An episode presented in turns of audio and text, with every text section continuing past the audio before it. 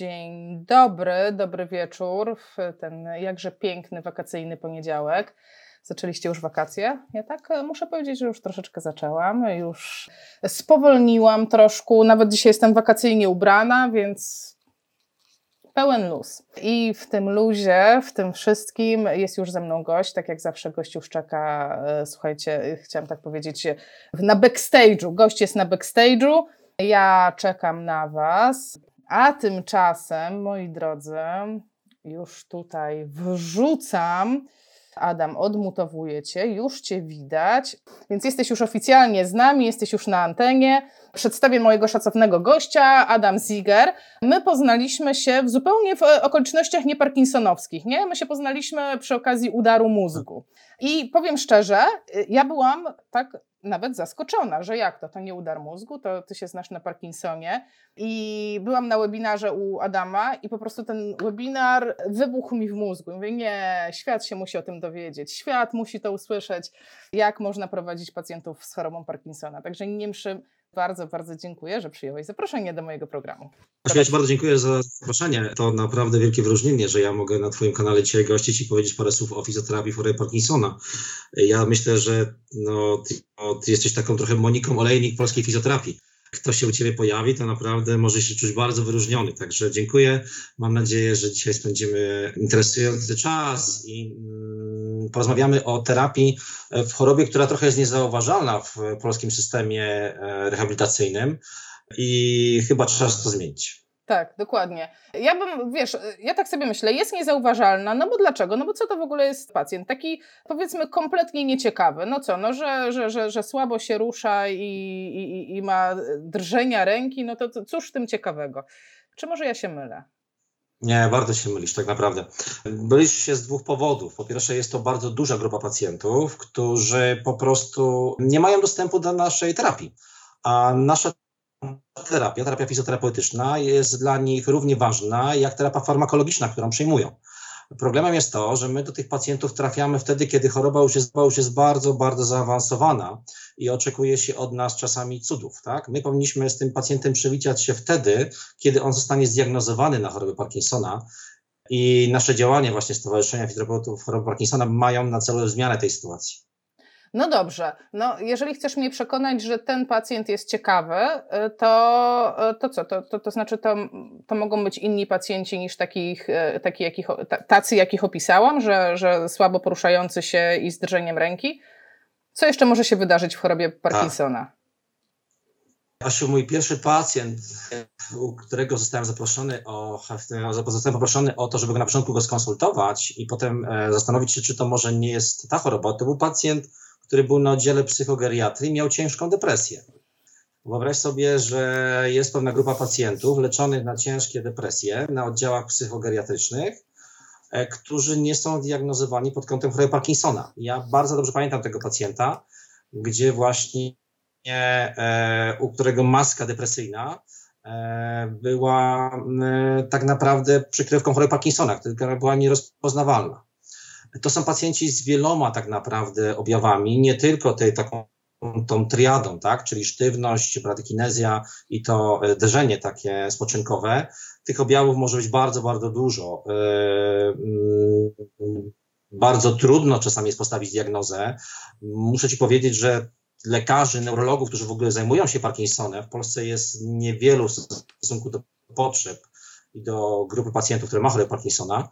E, I diagnozy bywają różnie postawione. Mm, czasami, no czasami powiedzmy ta, ta diagnoza okazuje się e, mniej lub bardziej trafnie postawiona, natomiast tych objawów może być bardzo, bardzo dużo. E, następny mój pacjent, pamiętam w Warszawie, jeszcze pracowałem w Instytucie Neurologii i zostałem poproszony o wizytę w domu, gdzie pani domu poprosiła mnie o terapię u męża, który normalnie funkcjonował, tylko miał ten problem. Zbiegał po schodach tak? E, nie potrafił się zatrzymać. Po prostu normalnie funkcjonował w ciągu dnia, tylko miał taki jeden feler, zbiegał po schodach. I to zbieganie po schodach najczęściej kończyło się katastrofą, upadkiem i różnego rodzaju kontuzjami. E, to są tego rodzaju pacjenci. To są pacjenci, którzy, których na przykład objawami może być to, że nagle upadają do przodu, w bok, do tyłu. Też nie wiadomo, czy z powodu choroby Parkinsona. Natomiast pulsja, upadanie w kierunku jednym z, nagłe, tak? Jedna, jeden z objawów choroby Parkinsona. I to taki wczesny objaw? Mamy... To może być taki wczesny no. objaw, że właśnie te upadki? Tak, Bo tak, ja bym... to może być jeden z wczesnych objawów choroby Parkinsona. E, to są objawy typowo ruchowe. Mamy wiele objawów takich e, też e, psychicznych. Wyobraź sobie, że jednym z takich objawów bardzo wczesnych jest taki niepokój nocny i nocne koszmary. Ja o tym wspominałem ostatnio na, na naszym live'ie dla SFP. Bardzo często spotykam się z historią osób, które na przykład zaczęły kopać, mieć o, mamy nocne, być niespokojne, to jest jeden z pierwszych objawów choroby Parkinsona. Niestety na przykład w warunkach szpitalnych, gdy taki pacjent do nas trafia, no to to jest niedobrze, bo, bo on wtedy powoduje wiele problemów w szpitalu i, i ten szpital go odpowiednio traktuje mm, i pojawia się problem. Wow, ale to może być mylone, to rzeczywiście to można wkładać tak naprawdę do wielu worków, bo jak ja słyszę nagle upada, e, to jest taki, to, to, to jest fajnie, że to wyciągnąłeś, dlatego że e, tak się mówi, że jak e, umiesz tylko wbijać gwoździe, to wszędzie widzisz tylko gwoździe i na przykład mnie nagłe upadanie kojarzy się z niedrożnością tętnic. Jednym z objawów tam 5D, niedrożności tętnic domózgowych, drop attacks, tak? I ja zawsze jak mam pacjenta, a miałam już kilku takich z upadkami, takimi po prostu nagle, to ja ich wszystkich słałam USG, USG do lekarza, ty nie jesteś pacjentem dla mnie. A tutaj nagle dowiaduję się, że to może być zupełnie inny symptom, zupełnie inna choroba, tak? I że trzeba sobie poszerzać tą wiedzę. No, powiem szczerze, zrobiło to na mnie wrażenie. No, dobrze, no ale. Okej. Okay. Troszeczkę nam tnie, troszeczkę mamy takie jakby opóźnienie, mam takie wrażenie. E, no dobrze, no ale mam tego pacjenta i on ma jakieś objawy. Dajmy na to, że nawet trafił na e, dobrego diagnostę i szybko postawiono tą diagnozę. No to powiedzmy sobie szczerze, choroba ma to do siebie, że jest chorobą, yy, która no, polega na tym, że nie wydziela się w mózgu dopamina, tak? Czyli mam zmiany w mózgu, które są takie stricte wydzielnicze, no jakby niezależne ode mnie. No i ty chcesz mi powiedzieć, że ja fizjoterapi fizjoterapią coś zmienię? Tak, tak, bardzo dużo. Ja cię chcę zaskoczyć i powiedzieć ci, że, że e, regularne ćwiczenia fizyczne pomogą w stymulacji wydzielania ciebie dopaminy. E, są takie badania, które już pokazują to dobitnie. Mm, w kwietniu była taka bardzo duża konferencja parkinsonowska. Ona była robiona wirtualnie. Insight, Insight Parkinson.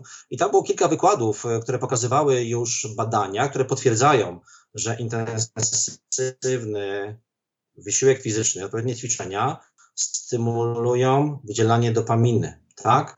To jest początek drogi mm, takiej badawczej w tym kierunku, ale już mam pierwsze doniesienia. Także oprócz tych wszystkich pozytywów związanych ze stymulacją układu krążeniowo-oddechowego, ze stymulacją mięśni, stawów i tak dalej, to my możemy powiedzieć, ja się tego nie boję powiedzieć, że my jesteśmy równie ważni jak farmakologia na początku i na każdym etapie trwania tej choroby. Czyli tak, ja tutaj widzę pewien taki dysonans, bo z jednej strony, no dobrze, to jeżeli możemy stymulować, tak, ja tak, e, tak specjalnie zaczepnie zadaję te pytania, ale tak, ćwiczenia mogą stymulować wyrzuty dopaminy, tak, tą produkcję dopaminy, czyli ćwiczeniami jestem w stanie pomagać temu pacjentowi realnie, no ale ten pacjent nie trafia do mnie, bo powiedziałeś, że on w systemie zdrowia to tak nie do końca funkcjonuje, tak? Nie do końca może czuje potrzebę na początku, tak? No bo to nie ten mąż się do ciebie zgłosił, tylko ta żona, co ona go zbierała z tych schodów, się zgłosiła, tak? Tak, tak, to dokładnie tak jest. Niestety cały czas pacjenci się do nas zgłaszają, czy do nas trafiają wtedy, kiedy mamy już takie typowe objawy parkinsonowskie. Proszę pamiętać, że pacjenci zgłaszają się do lekarza z objawami parkinsonowskimi wtedy, kiedy już, już 50-60% e, istoty czarnej produkującej dopaminy jest zniszczona. Kiedy mamy naprawdę poważny problem, tak? A oni do nas, fizycznie do fizjoterapeutów, najczęściej trafiają od 3 do 5 lat po tym rozpoznaniu choroby, bo wtedy kończy się tak zwany, to się nazywa złoty mm, miodowy miesiąc, miodowy czas, kiedy działają leki. Potem lewodopa przestaje jakby działać, pacjenci się na niemu odparniają, pojawiają się duże problemy fizyczne i dopiero wtedy szuka się fizjoterapeuty. A fizjoterapeuta powinien się pojawić w tej całej historii wtedy, kiedy pan Kowalski albo pani Nowak dostaje rozpoznanie choroby dostaje diagnozę, ponieważ my wtedy już powinniśmy zacząć pracować z tym pacjentem, opowiedzieć mu, co się może wydarzyć i wdrożyć e, coś, co dla mnie jest mega, mega ważne. Przepraszam, takie słowo mega, nieładne może, bardzo ważne. Fizjoprofilaktykę. To jest rzecz, która powinna być na pierwszym miejscu po wypisaniu recepty. Po wypisaniu recepty powinna być recepta na fizjoprofilaktykę i obowiązkowe e, konsultacje i odwiedziny fizjoterapeuty. Dobrze. Ja nawet, znaczy nie nawet, ja ogólnie przyjmuję ten tak myślenia, tylko tak sobie myślę, przychodzi, jak ja bym się zachowała, gdyby przyszedł do mnie pacjent w pełni sprawny, nie wiem, on ma maskowatą twarz i nie wyraża emocji, więc lekarz był podejrzliwy, bo leki na depresję nie zadziałały, pochylił się nad problemem, znalazł Parkinsona, obejrzał nasz live i mówi: Nie, fizjoterapia, proszę bardzo, tutaj skierowanie. No i ja dostaję zdrowego człowieka fizycznie. No i co ja mam z nim robić? Asiu, i go dokładnie oceniasz. Sprawdzasz, na jakim etapie on teraz jest, jest, czy tam mamy jakieś już takie wstępne dolegliwości ruchowe, czy mamy pełną ruchomość na poszczególnych segmentach, e, czy jednak faktycznie jest dobrze i wystarczy nam tylko w takim razie stworzyć temu pacjentowi w głowie pewną historię. Tak? Szanowny panie, choruje pan na taką i taką chorobę. Mogą za jakiś czas pojawić się takie i takie symptomy. My poprzez odpowiednie, odpowiedni trening fizjoterapeutyczny, odpowiednie działanie ruchowe możemy ten proces spowolnić e, i możemy spowodować, że Pana funkcjonowanie będzie lepsze, e, tak? Możemy spowodować oprócz tego, że możemy zakładać, że będziemy, będziemy uwalniali tą dopaminę, ale tak naprawdę my musimy walczyć o elastyczność mięśni, o jakby takie samopoczucie tego pacjenta i musimy go skłonić do tego, żeby w jego życiu pojawił się pewien rytuał, bo jeżeli on się z nami umówi, że on walczy o siebie i chce, żeby ta choroba e, postępowała wolno, no to musimy z nim podpisać kontrakt na systematyczne ćwiczenia. Czyli jednak codziennie musi ćwiczyć, jak w udarze. E, no to jest świetne pytanie. Ja myślę, że na początku to chyba możemy się umówić na pewną taką systematyczność. To nie musi być codzienne ćwiczenie, chyba że założymy sobie jakieś zadanie ruchowe, tak? Że ten pacjent nam, nie wiem, nauczy się, pływ się pływać, nauczy się tańczyć, nauczy się chodzić z kijkami Nordic Walking, zacznie e, trenować e, fitboxing, czyli znajdziemy taką, taką dla niego atrakcyjną formę ruchu, bo to jest też bardzo ważne, żeby w tym oddziaływaniu naszym zaangażowane było i ciało, i umysł. To jest bardzo, bardzo ważne. E, są takie badania, które pokazują właśnie, że my poprzez aktywność ruchową możemy wytwarzać nowe neurony. E, bardzo ciekawe jest to badanie z 1992 roku i, i możemy stymulować do rozwoju hipokamp i wydzielanie właśnie neuronów poprzez produkcję określonego białka. Długa historia. W skrócie ruch jest naprawdę bardzo ważny i dla aktywności fizycznej, i dla aktywności psychicznej. Tak, i e, też jest sporo badań już w tej chwili, bo teraz no, takie modne jest badanie w ogóle wszystkich tych efektów e, placebo, że sam fakt, jak postrzegasz jakiś ruch, to będzie wpływał na to, jak ten ruch działa na ciało. I to takie fizyczne rzeczy, typu tam, nie wiem, e, skład ciała, wyniki krwi, to są tego typu badania. E, czyli tak naprawdę nie chodzi o to, że on ma się zawziąć w sobie i tak nawet jak nienawidzi tego ruchu, tam nie wiem, to robić, te przysiady codziennie, on ma znaleźć coś, co spowoduje, że będzie szczęśliwy, no bo jednak dopamina to hormon szczęścia, tak? Tak sobie powiedzmy. Tak, tak, tak. tak? tak.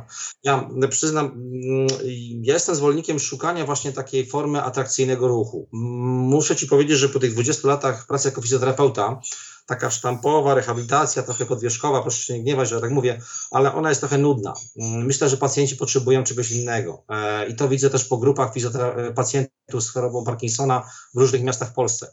Oni szukają pewnych aktywności i tak naprawdę je znajdują i robią bardzo fajne rzeczy, ale one są jakby troszkę oddalone od takiej klasycznej fizjoterapii. Bardziej e, to są elementy sportu, rekreacji, mm, tego typu oddziaływań. Ja uważam, że to jest bardzo dobra ścieżka. Tak, tutaj patrzę, e, Małgosia pisała, że tango. Kiedyś w Warszawie były takie grupy, tak. ale co z tego, już chyba ich nie ma. Tango, super sprawa. Ja w ogóle e, jestem zafascynowana e, tango jako takim, dlatego że w tango musisz się dostosowywać do tego, co partner ci zarządzi. Więc jakby neuromotorycznie to jest niesamowita, jakby dobra sprawa, bo to nie są ruchy, które są schematyczne, wyuczone i tylko powtarzasz schemat jak w rock'n'rollu i cały czas tak samo skaczesz, tylko w tango musisz być elastyczny, musisz czekać na, ten, na tę odpowiedź od partnera. Więc ja jestem bardzo pro tango. Nie umiem tańczyć absolutnie, ale jestem zafascynowana samym tańcem. A ja myślę, że warto spróbować. Ja ze względu na to właśnie, że mm, interesuję się terapią Parkinsona, muszę ci się przyznać, że zapisałem się na kurs. Eee, tak, myślałem, że to jest łatwiejsze. Trochę to jest trudne, ale, ale staram się. Natomiast e, muszę ci powiedzieć, że według tego europejskiego przewodnika po mm, e, europejskiego przewodnika fizjoterapii chorej Parkinsona, który podaje takie zestawienie mm, e, jakby badań naukowych, które pokazują, który rodzaj terapii jest najbardziej efektywny, to oni na pierwszym miejscu, wyobraź sobie, stawiają irlandzki taniec w parach. To jest bardzo ciekawa rzecz. E, proszę zobaczyć na YouTubie może jak wyglądają tego rodzaju tańce. E, dużo piśmiennictwa jest na ten temat. Także tango oczywiście, ale jeszcze może taki właśnie ta irlandzki taniec w. Jak, ja wtedy, jak, jak czytałam ten przewodnik, ja nawet wygooglowałam sobie ten taniec i wszystkim, którzy nas oglądają, słuchajcie, wygooglujcie sobie irlandzki taniec, to po prostu zobaczycie, co można robić. Można się zaskoczyć, bo chyba to nie, to, nie, to tak na gruncie polskim yy, nie jest to coś, co, co o, jak fajnie, co, co robisz? No, a tam ja chodzę na irlandzki taniec w parach. A ja mam nadzieję, że właśnie tak e, chorzy na chorobę Parkinsona będą wymieniać się e, doświadczeniami, adresami i będą właśnie przekonywali się do tego, że e, fizjoterapia, rehabilitacja może także wyglądać w ten sposób, tak? Że to są zajęcia właśnie tańca, to są zajęcia tai chi. Nie musimy się trzymać tej takiej klasycznej fizjoterapii chyba, żeby osiągnąć efekt terapeutyczny. Czyli de facto e, tym pierwszym momentem, jakby tą pierwszą interwencją, którą byś zalecił w ramach fizjoprofilaktyki, to tak naprawdę jest gruntowna, rzetelna edukacja i zalecenie znalezienia formy ruchu, czy e, pomoc pacjentowi w znalezieniu tej formy ruchu, która go uszczęśliwi i która, e, która będzie dla niego do utrzymania przez długi czas, bo o to nam chodzi, żeby on, załóżmy, żeby on 5 lat tak. chodził na te irlandzkie tańce czy na to tai chi, żeby to już weszło mu w nawyk.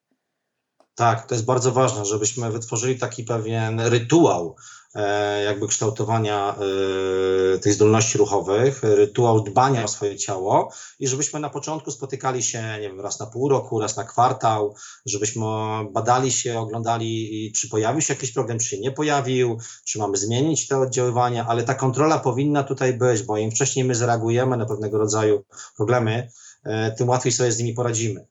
E, czy zasugerowałbyś terapeutom jakieś testy, jakie mają wykonać? Do czego oni mogliby się odnieść, e, testując załóżmy co pół roku takiego pacjenta? Co by, co by mu zrobić? Co on powinien zrobić? Bo w sumie, tak jak się zastanowić w fizjoterapii, to my nie mamy za dużo testów na zdrowego człowieka.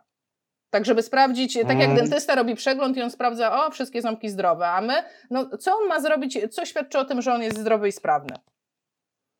Ja myślę, że my tych narzędzi mamy już sporo tak naprawdę. Jeśli chodzi o takie narzędzia typowo parkinsonowskie, to mm, my mamy około 10, może nawet 12 testów. Może tak powiem, że jest taki test up and go, są różnego rodzaju e, testy funkcjonalne. Ja tutaj znowu, przepraszam, zaproszę do tego, żeby zapoznać się z Europejskim Przewodnikiem po fizjoterapii chorej Parkinsona tam na każdy rodzaj dysfunkcji, które może grozić pacjentowi, jest rodzaj testów. Tam jest chyba około 15 czy 20 testów, które możemy sobie wykorzystać e, i możemy sobie je dopasować do poszczególnych etapów jakby e, rozwoju choroby. Dużo możemy zrobić na początku e, poprzez takie badanie funkcjonalne tak naprawdę. My nie musimy używać z jakichś unifikowanych testów, żeby ocenić elastyczność, ruchomość, rotację to są takie rzeczy, które mm, możemy wynieść e, z tej naszej podstawowej kinezoterapii e, zębatego, tak, ja pamiętam. Okej, okay, to już tyle Cały razy czas. powiedziałeś o europejskim przewodniku, że trzeba powiedzieć wszystkim, gdzie go znaleźć. E, ja bardzo serdecznie zapraszam wszystkich, którzy interesują się troszkę tematem fizjoterapii chorej Parkinsona, do tego, żeby się z nim zapoznali. On jest w chwili obecnej położony na takiej stronie Parkinson.net. To jest taka platforma holenderska, mm, na której są jakby nowości, są informacje na temat fizjoterapii chorej Parkinsona, a ten przewodnik możemy tam z tej strony sobie za darmo pobrać Ja mam nadzieję, że my jeszcze do końca tego roku zrobimy jego polską wersję. My, jako Stowarzyszenie Fizjoterapeutów Roya Parkinsona, bardzo ambicjonalnie podejdę do tego tematu, bo uważam, że taka pozycja powinna pojawić się na polskim rynku. To jest pozycja, którą oczywiście pobiera się za darmo, kawał naprawdę dobrej wiedzy fizjoterapeutycznej. No tak, tylko że po angielsku. Trzeba to powiedzieć, to jest po angielsku, więc wszyscy, którzy mają, e, dla, dla których to jest bariera, to jest rewelacyjna sprawa, żeby to się pokazało po polsku. Ja wrzuciłam w tej chwili, macie na ekranie wyświetlone Parkinson.net e, i uwaga, zrzucam, każdy może sobie wejść, zobaczyć. Ja tak weszłam i zobaczyłam. Ja nawet nie wiem, czy ja tego nie ściągnęłam i nie wrzuciłam do plików grupowych u nas e, tam na fizjopozytywnych, ale to jest bez znaczenia, to jest po prostu do, do ściągnięcia bez problemu na tej stronie Parkinson.net. I tam jest bardzo dużo w ogóle e, mądrych informacji. Także e, od razu to jest odpowiedź na pytanie, ponieważ takich pytań pojawiło się sporo i na Instagramie. E, co, skąd ja mam wiedzieć, co robić z pacjentem? Jak jestem młodym fizjoterapeutą tuż po studiach, chciałbym zacząć pracę. No, europejski mm, przewodnik. Ja może też powiem tak, Asiu, w ten sposób, że tam jest pewna filozofia postępowania z pacjentem. To znaczy, że ten pacjent tej terapii ma być dla ciebie partnerem. To nie jest tak, że ty jako młody fizjoterapeuta musisz wiedzieć wszystko o wszystkim, musisz być alfą omegą. Ty masz prawo nie wiedzieć i korzystać z pewnych publikacji. Masz prawo też wymagać od pacjenta, żeby był twoim partnerem i od tego, żeby przekazywał ci odpowiednie informacje potrzebne do tego, żeby tą terapię odpowiednio przygotować i wyobraź sobie, że tam jest nawet taka mm, dzienniczek przygotowań do wizyty u fizjoterapeuty. Bardzo mu chciało, żeby tak było. Żeby pacjent przychodził do nas z pewną informacją w 10 punktach, co jest jego problemem, jakie, co zauważył, kiedy jak. To naprawdę e, by trochę zaoszczędziło czasu w tej komunikacji. E, I tam cała historia od początku jest właśnie napisana, co możemy z tym pacjentem zrobić, w jaki sposób, jaki używać skal, możemy też e, dowiedzieć się, kiedy przerwać terapię, bo czasami jest to e, wskazane w, w terapii z chorobą, z, chorobą, z chorobą Parkinsona, tak samo jak z innymi chorymi. Natomiast tam to dokładnie jest wyszczególnione, tak? Dlaczego w danym momencie warto tą terapię przerwać, dlaczego należy skonsultować się ewentualnie z jakimś specjalistą, co się dzieje. Mm, polecam i proszę o cierpliwość, zanim zdążymy to przeprowadzić, przetłumaczyć na polski. A ja bym to obróciła w drugą stronę, jeśli ktoś chciałby się włączyć i pomóc na przykład w tłumaczeniach, e, ktoś ma doświadczenia w tłumaczeniach, a może ktoś chciałby zacząć Super. działać przy, przy organizacji, to słuchajcie, no, wiecie gdzie uderzać.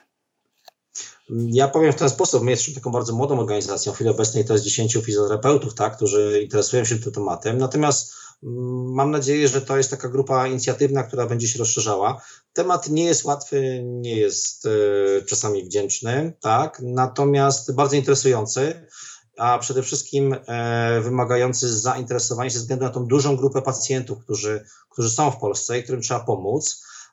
My zostaliśmy zaproszeni do takiej grupy inicjatywnej, która ma tworzyć e, model opieki koordynowanej nad pacjentem z chorobą Parkinsona. Nie wyobrażam sobie ta, tego, żeby tam nie było właśnie fizjoterapeutów, tak? Żebyśmy dokładnie powiedzieli, że my w tej chorobie mamy się, mamy się tam pojawić na początku jej powstania, początku diagnozy. Tak, my nie chcemy się pojawiać wtedy, kiedy mamy do czynienia z leżącym pacjentem, z przykurczami, z ogromem problemów. My się mamy pojawić na początku i mamy robić fizjoprofilaktykę i na każdym etapie możemy pomóc, ale mamy się tam znaleźć od początku e, tej drogi. Mhm. E, a w którym momencie ten pacjent przechodzi z fizjoprofilaktyki na terapię? No bo przychodzi taki moment, co te pół roku on do mnie przychodzi, no ja muszę w którymś momencie rozpoznać, kiedy on powinien trafić w terapię. Ja myślę, że wtedy, kiedy pojawiają się te, takie typowe już objawy parkinsonowskie, czyli ten drobny chód, ta bradykineza, e, ta sztywność osiowa, drżenie, kiedy pojawiają się te upadki, kiedy są te zamrożenia bardzo charakterystyczne dla choroby Parkinsona. E, I wtedy musimy podjąć już taką faktycznie zaplanowaną terapię, i wtedy spotykamy się z pacjentem częściej, wtedy rozmawiamy z jego rodziną, co jest bardzo ważne, bo nie wierzę w sukces e, fizjoterapii, jeżeli e, ona również nie dotyczy i nie bierze w niej udział rodzina. W takim duecie mamy pewne szanse, ale nasze szanse są większe, jeżeli zaangażujemy czy poprosimy o zrozumienie rodziny i wytłumaczymy jej, jakie są problemy, w czym powinna nam pomóc. To musi być taka trochę praca zespołowa, żeby przyniosła efekt. No i było, powiem Ci, takie pytanie na Instagramie, to mm, no dobrze, no to ja poćwiczę z tym pacjentem w warunkach gabinetowych, a co ja mogę mu dać do domu, jak on, prawda, no sam niewiele potrafi, albo właśnie co mogę wskazać rodzinie, w czym ona mogłaby mi pomóc, albo jemu pomóc, tak? Właśnie gdzie jest ten, ta przestrzeń na włączenie się? Mm, to są wszystkie ćwiczenia funkcjonalne, które możemy wymyśleć w domu, tak? E, czyli możemy wymyślić szereg ćwiczeń funkcjonalnych, które będą na przykład e, stymulowały rotację, które będą e, pobudzały odpowiednie chodzenie, te strategie interwencyjne w chodzie, które będą angażowały tego pacjenta poprzez oddziaływanie dźwiękowe, poprzez oddziaływanie wzrokowe i dotykowe. My to wszystko możemy rodzinie pokazać, możemy też przestrzec pewnymi problemami, które się mogą pojawić.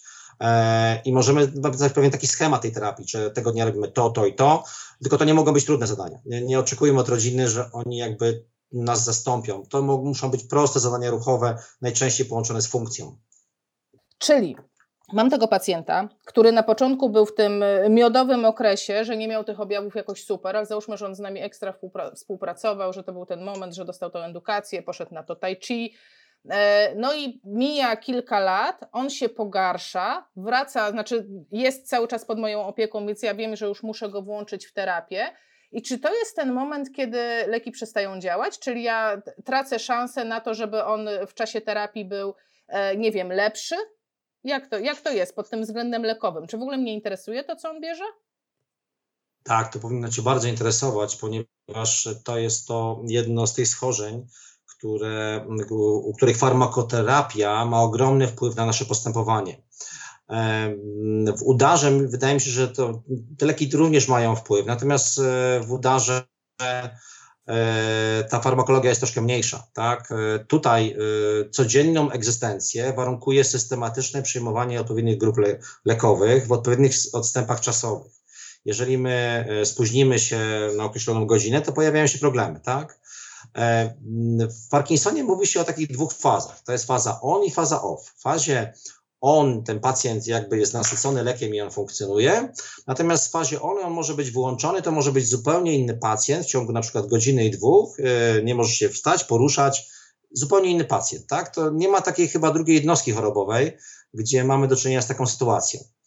E, wtedy, kiedy po tych trzech, pięciu latach ten pacjent już jakby słabo reaguje na te leki, ta faza off jest jakby przewlekła. Natomiast y, my musimy pracować tak samo w fazie on, jak i w fazie off. I tutaj muszę się przyznać do pewnego takiego konfliktu z niektórymi lekarzami, którzy mówią, że my tak naprawdę mm, sensownie jest, będziemy pracować tylko i wyłącznie w fazie on. Natomiast y, tak się akurat składa, że my najczęściej jesteśmy zapraszani do fazy off i proszeni o to, żeby coś z tym zrobić. Tak? Także to, mm, to zależy od nas, jak my się tego, do tego wszystkiego tutaj mm, ustosunkujemy, co będziemy robić i jakie narzędzia znajdziemy, żeby w tej fazie off również pracować. Natomiast nie tylko L-dopa jest dla nas tutaj, e, czyli ten preparat, który ma w sobie tą dopaminę, która się pojawia w organizmie, ale również inne leki, które biorą pacjenci z chorobą Parkinsona. To jest duża bateria lekowa najczęściej, którą biorą, biorą ci pacjenci. Często są to leki poprawiające nastrój, e, antydepresanty. One również mogą powodować różnego rodzaju e, działania niepożądane, sztywność. To są leki e, nadciśnieniowe. Tu czasami jest taki problem, bo pacjenci z chorobą Parkinsona mają takie niedociśnienia ortostatyczne. E, czyli tak nagle jakby takie spadki ciśnienia. Mm, e, L-dopa jeszcze to, e, efektem ubocznym L-dopy właśnie może być te spadki ortostatyczne. Takim charakterystycznym tu objawem dla tych chorych jest również to, że na przykład po jedzeniu może spadać ciśnienie.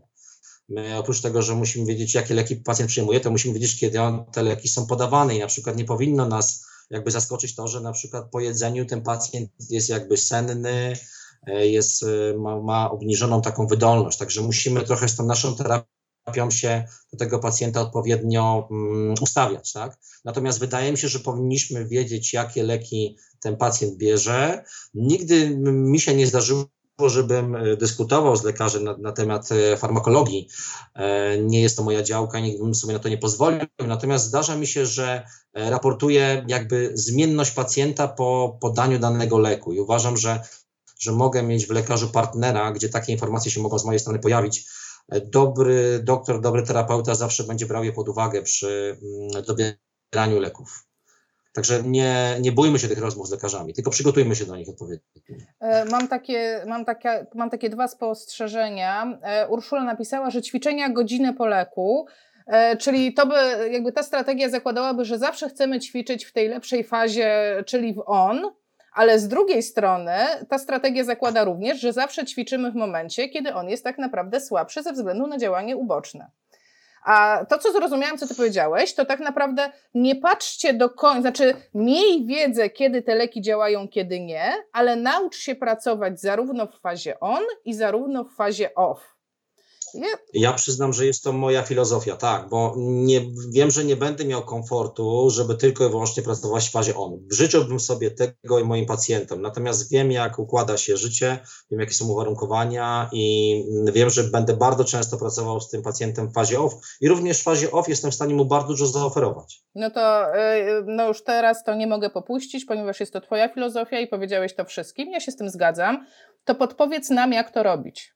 Jaka interwencja może być w fazie off? Dlatego, że z tym i tutaj te komentarze pod live'em były, że no, jak nie trafię w dobrą fazę, to tak naprawdę no, pozostaje mi tylko modlić się, żeby trafić w ten moment, kiedy on może coś zrobić. No a może teraz właśnie ty nam dasz jakieś narzędzie takie, że jednak my coś zrobimy, kiedy on nie może nic zrobić. Co to mogłoby być? Myślę sobie, że modlitwa to nigdy zaszkodzi, można od niej zacząć, ale potem trzeba przejść do pewnych narzędzi. na przykład w tej fazie off, kiedy mamy pacjenta, który na przykład drobi, tak, mamy problem z chodzeniem, to proszę uwierzcie mi, że bardzo sprawdzają się te wszystkie rzeczy związane z pobudzeniem wzrokowym, dźwiękowym e, i dotykowym. Tu mówię o takich strategiach interwencyjnych, czyli e, w przypadku choroby Parkinsona mm, na przykład e, rytm puszczony z komórki, z rytmizera, powoduje, że ten pacjent, jeżeli złapie ten rytm 1-2, 1-2, on zaczyna z nami chodzić. My przez odpowiednie stymulacje miednicy możemy go do tego pobudzić. E, są takie bodźce e, wzrokowe również, czyli na przykład narysowanie mm, w mieszkaniu pewnych linii, narysowanie pewnych śladów. Tam może śladów to jest pewnie duży, duży problem, chociaż przypomina mi się takie, przypomina mi się takie ćwiczenia Frankla, gdzie rysowano takie obrysy stóp i to ułatwiało pacjentom funkcjonowanie. Ale zwyczajne kreski, które gdzieś tam narysujemy, czy postawimy jakąś przeszkodę, to już spowoduje, że ten pacjent zrobi krok i z nami pójdzie, tak? Nawet w tej fazie jakby wyłączenia. Jest to trudna faza do, mm, do terapii. Y, ja staram się zawsze w tej fazie również y, stymulować dość często intensywnie rotację.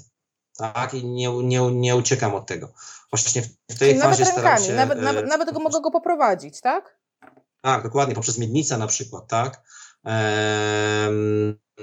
stymuluje właśnie rotację, stymuluje ruchy naprzemienne, stymuluje pracę na dwóch poziomach, czyli y, nogi i ręce jakby oddzielnie. Taki dual task czasami jest zadawany, tak? Tutaj możliwości jest bardzo dużo i ja bym apelował do wszystkich moich kolegów, żeby czasami nie trzymali się metodologii ćwiczeń, żeby otwierali trochę wyobraźnię, co można zrobić, E, żeby ręce sobie, a nogi sobie na przykład, tak? Bo to jest charakterystyczne dla choroby Parkinsona na przykład, że ten pacjent idzie idzie, ma ręce wzdłuż tułowia i właściwie idzie jak taki rosyjski żołnierz, nie w ogóle nie ma balansu tułowiem, więc wymyślajmy różnego rodzaju pobudzenia.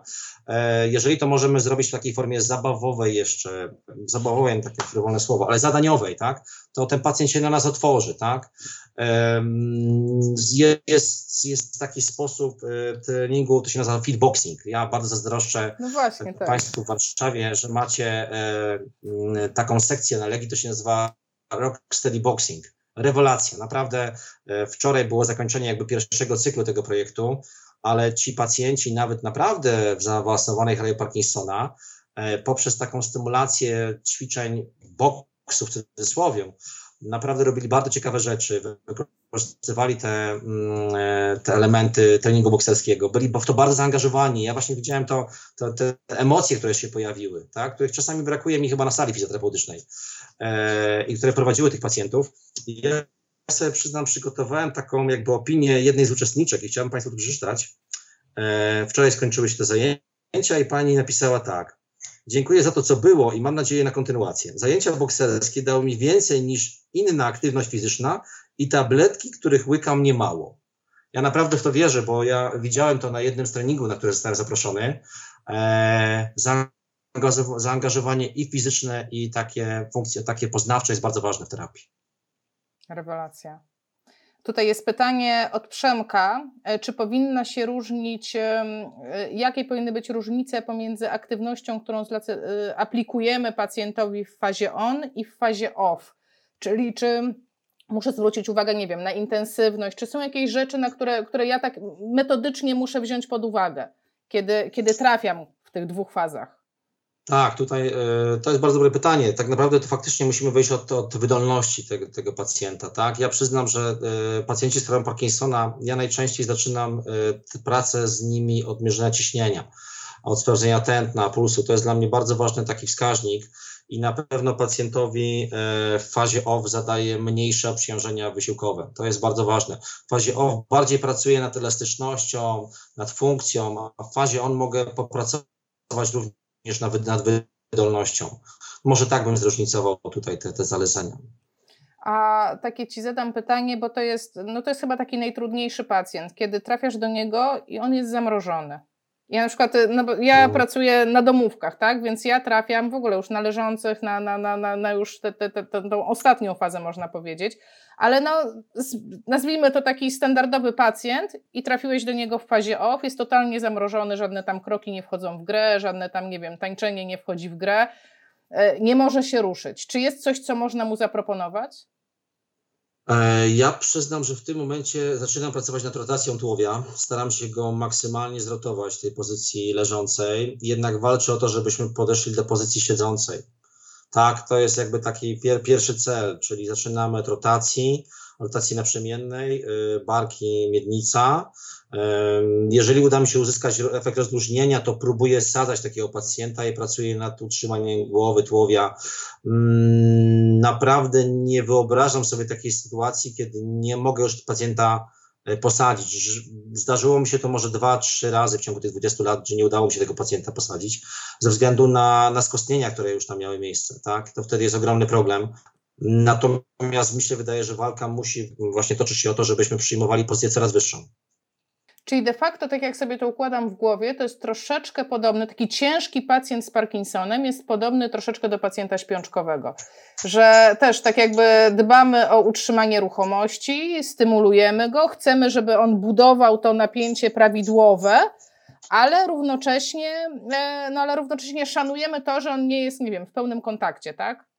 Tak, to prawda. Chociaż muszę Ci powiedzieć, że bardzo rzadko się zdarza, żeby pacjent z chorobą Parkinsona nie był w jakimś pełnym kontakcie. Bywa oczywiście różnie, natomiast różnie, natomiast bardzo często ci pacjenci, którzy mogą Ci się wydać, że oni są e, w ciężkim stanie, tak? czyli są właśnie sztywni globalnie, tak? E, sztywność mają zupełnie w kończynach górnych, dolnych, w tułowiu, w głowie, ale oni mają czasami zachowany jakby taki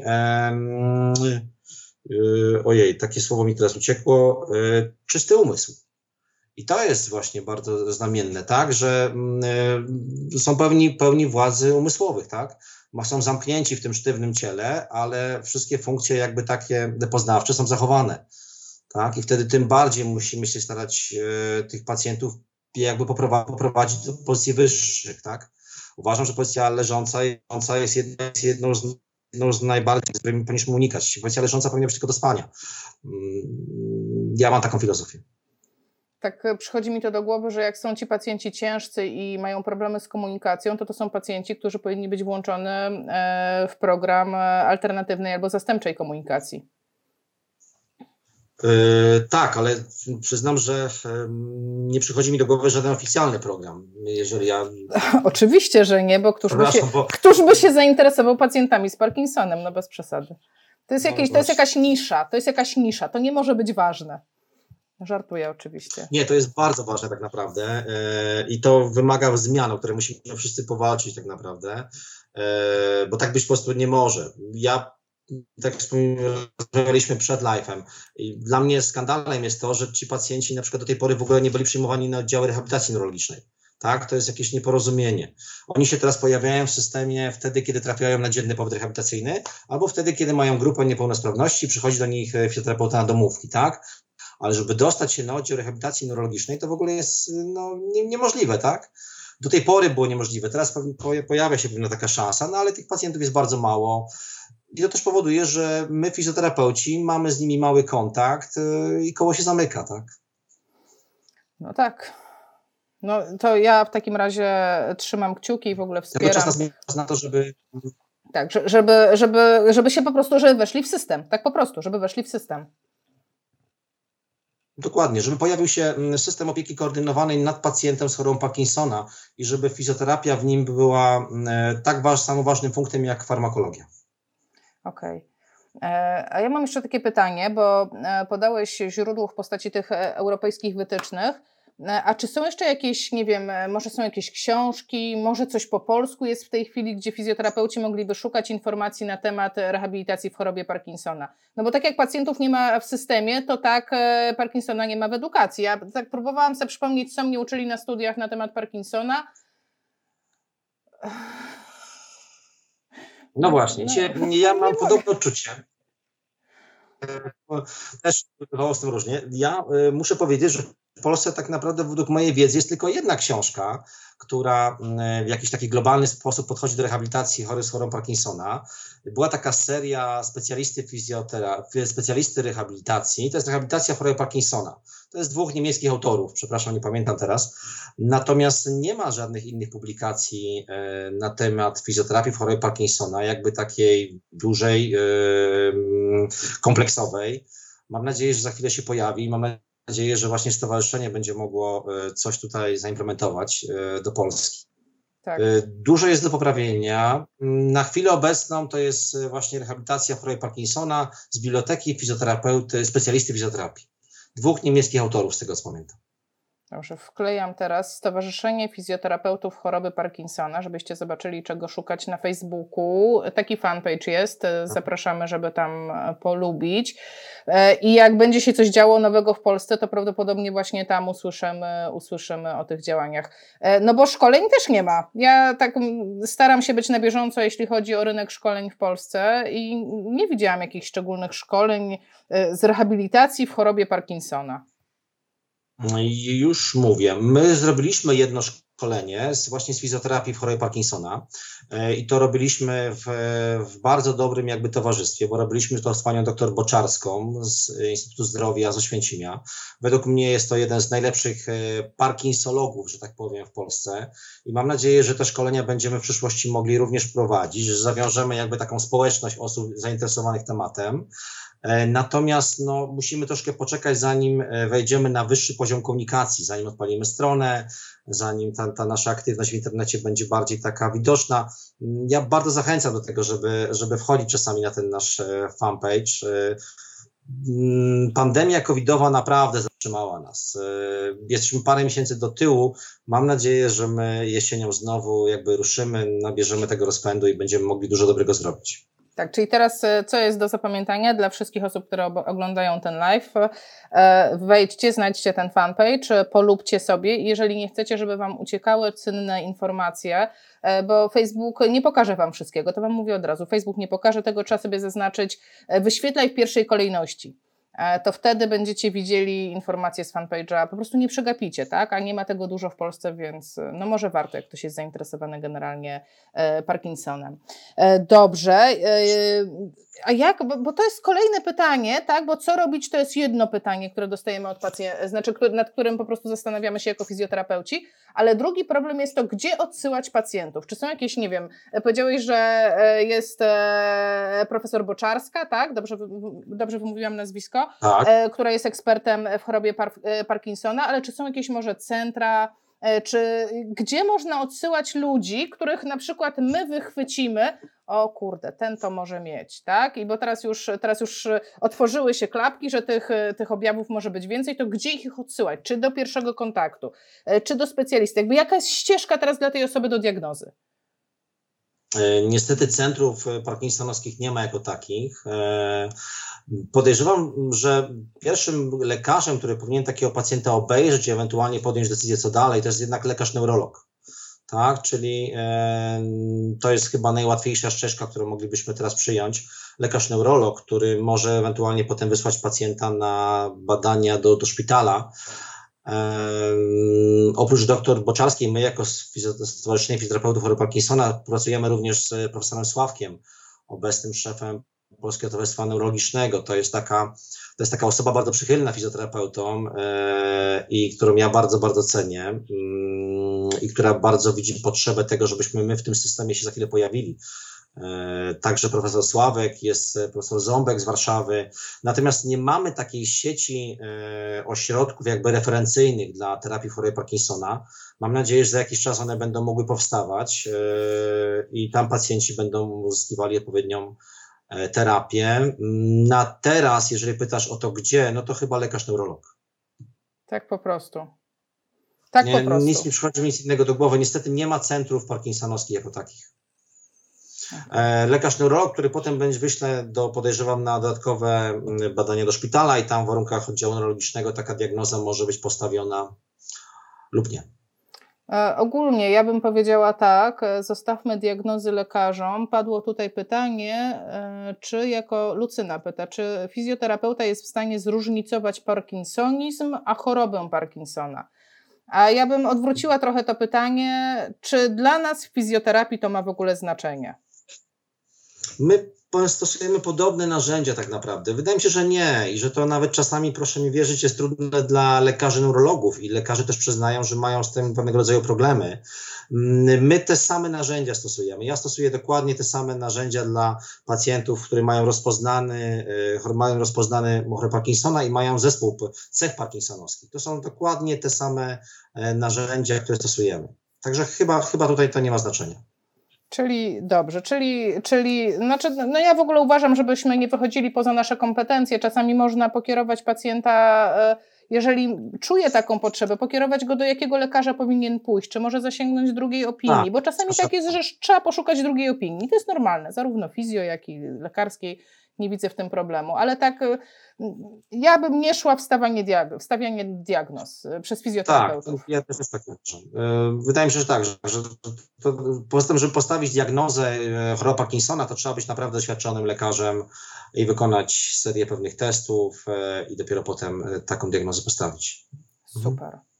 E, super, tak patrzę, co się wydarzyło w komentarzach, czy jakieś ciekawe e, pytania były. Urszula takie spostrzeżenie wpisała. Jest sporo stowarzyszeń, które prowadzą działania. Chętnie skorzystamy z Państwa wiedzy, bo widzę, że tutaj e, po komentarzach widzę, że nie tylko fizjoterapeuci przyszli, ale też przyszli i przyszły osoby chorujące po prostu i przyszli też przedstawiciele stowarzyszeń.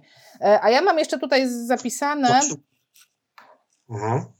A pozwolisz, że powiem taką jedną, jedną rzecz? Tak. I dla mnie bardzo ważne jest to właśnie, że my w Polsce, e, i my się tym możemy chwalić, mamy naprawdę dużą grupę stowarzyszeń pacjentów i oni naprawdę prężnie działają.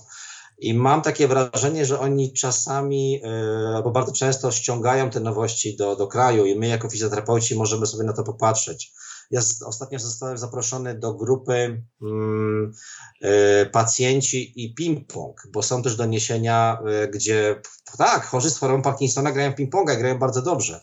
E, ping-pong jest właśnie ten taniec, jest Nordic Walking i te stowarzyszenia, które są w Warszawie, w Gdańsku, w Kielcach, w Poznaniu naprawdę robią fantastyczną robotę i my wszyscy powinniśmy tym społecznikom naprawdę podziękować, E, bo ja dzięki nim tak naprawdę o wielu rzeczach się dowiedziałem e, i fajnie, że są tacy ludzie.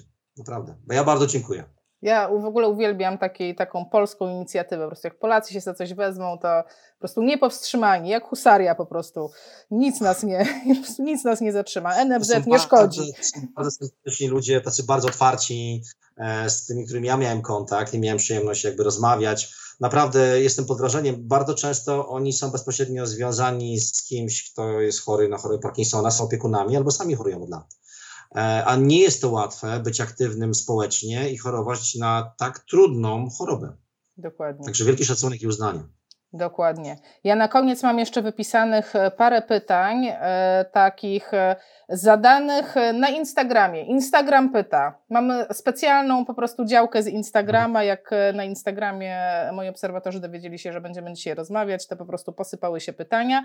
E, I to co, to, co wyszło w tych pytaniach, że istnieją wśród pacjentów, wśród fizjoterapeutów różnego rodzaju mity. Ja bym Cię chciała poprosić, żebyś tak króciutko, szybko po prostu poodpowiadał mi na takie hasła. Czy chory z chorobą Parkinsona może podnosić ręce do góry? może podnosić ręce do góry. Ja myślę, że to jest mit, który powstał w głowie jakiegoś mężczyzny, który fieranek nie chciał wieszać i pewnie stworzył sobie coś takiego. Naprawdę można podnosić ręce, nie widzę tutaj powodów, żeby, żeby nie, potrafię, nie potrafię znaleźć wytłumaczenia, dlaczego miałoby tak nie być.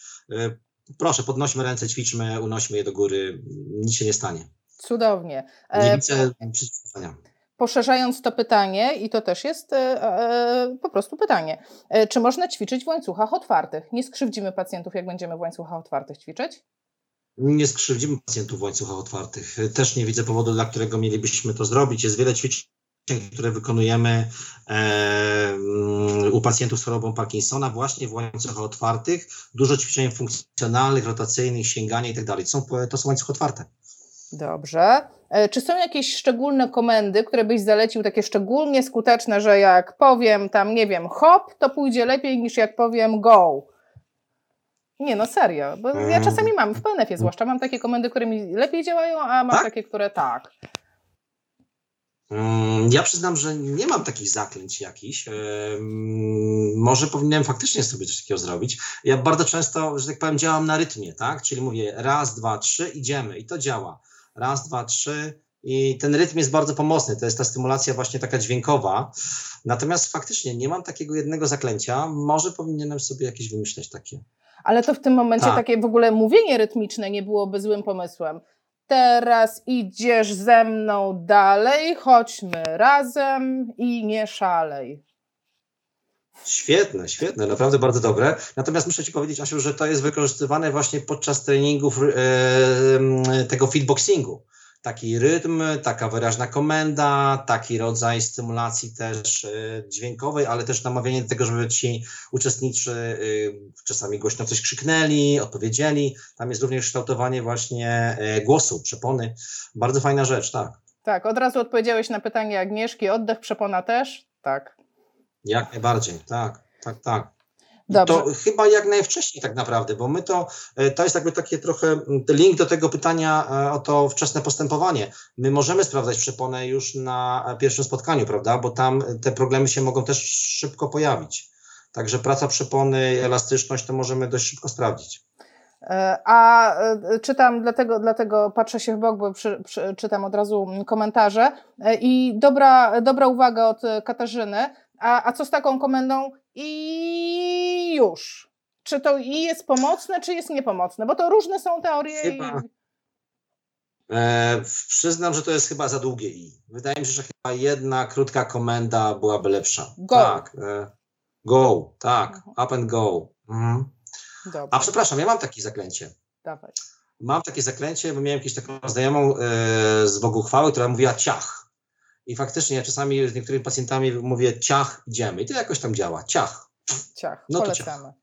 Polecamy. E, kolejne, kolejne pytanie z Instagrama. Potliwość. Czy potliwość jest w obrazie choroby? A jeśli tak, to czy da się stąd, z nią coś zrobić? E, jest to w obrazie choroby.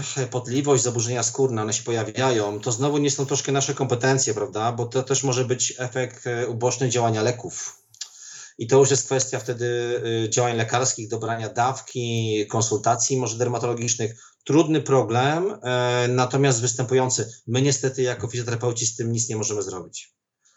Ale możemy zasugerować konsultację lekarską, dermatologiczną.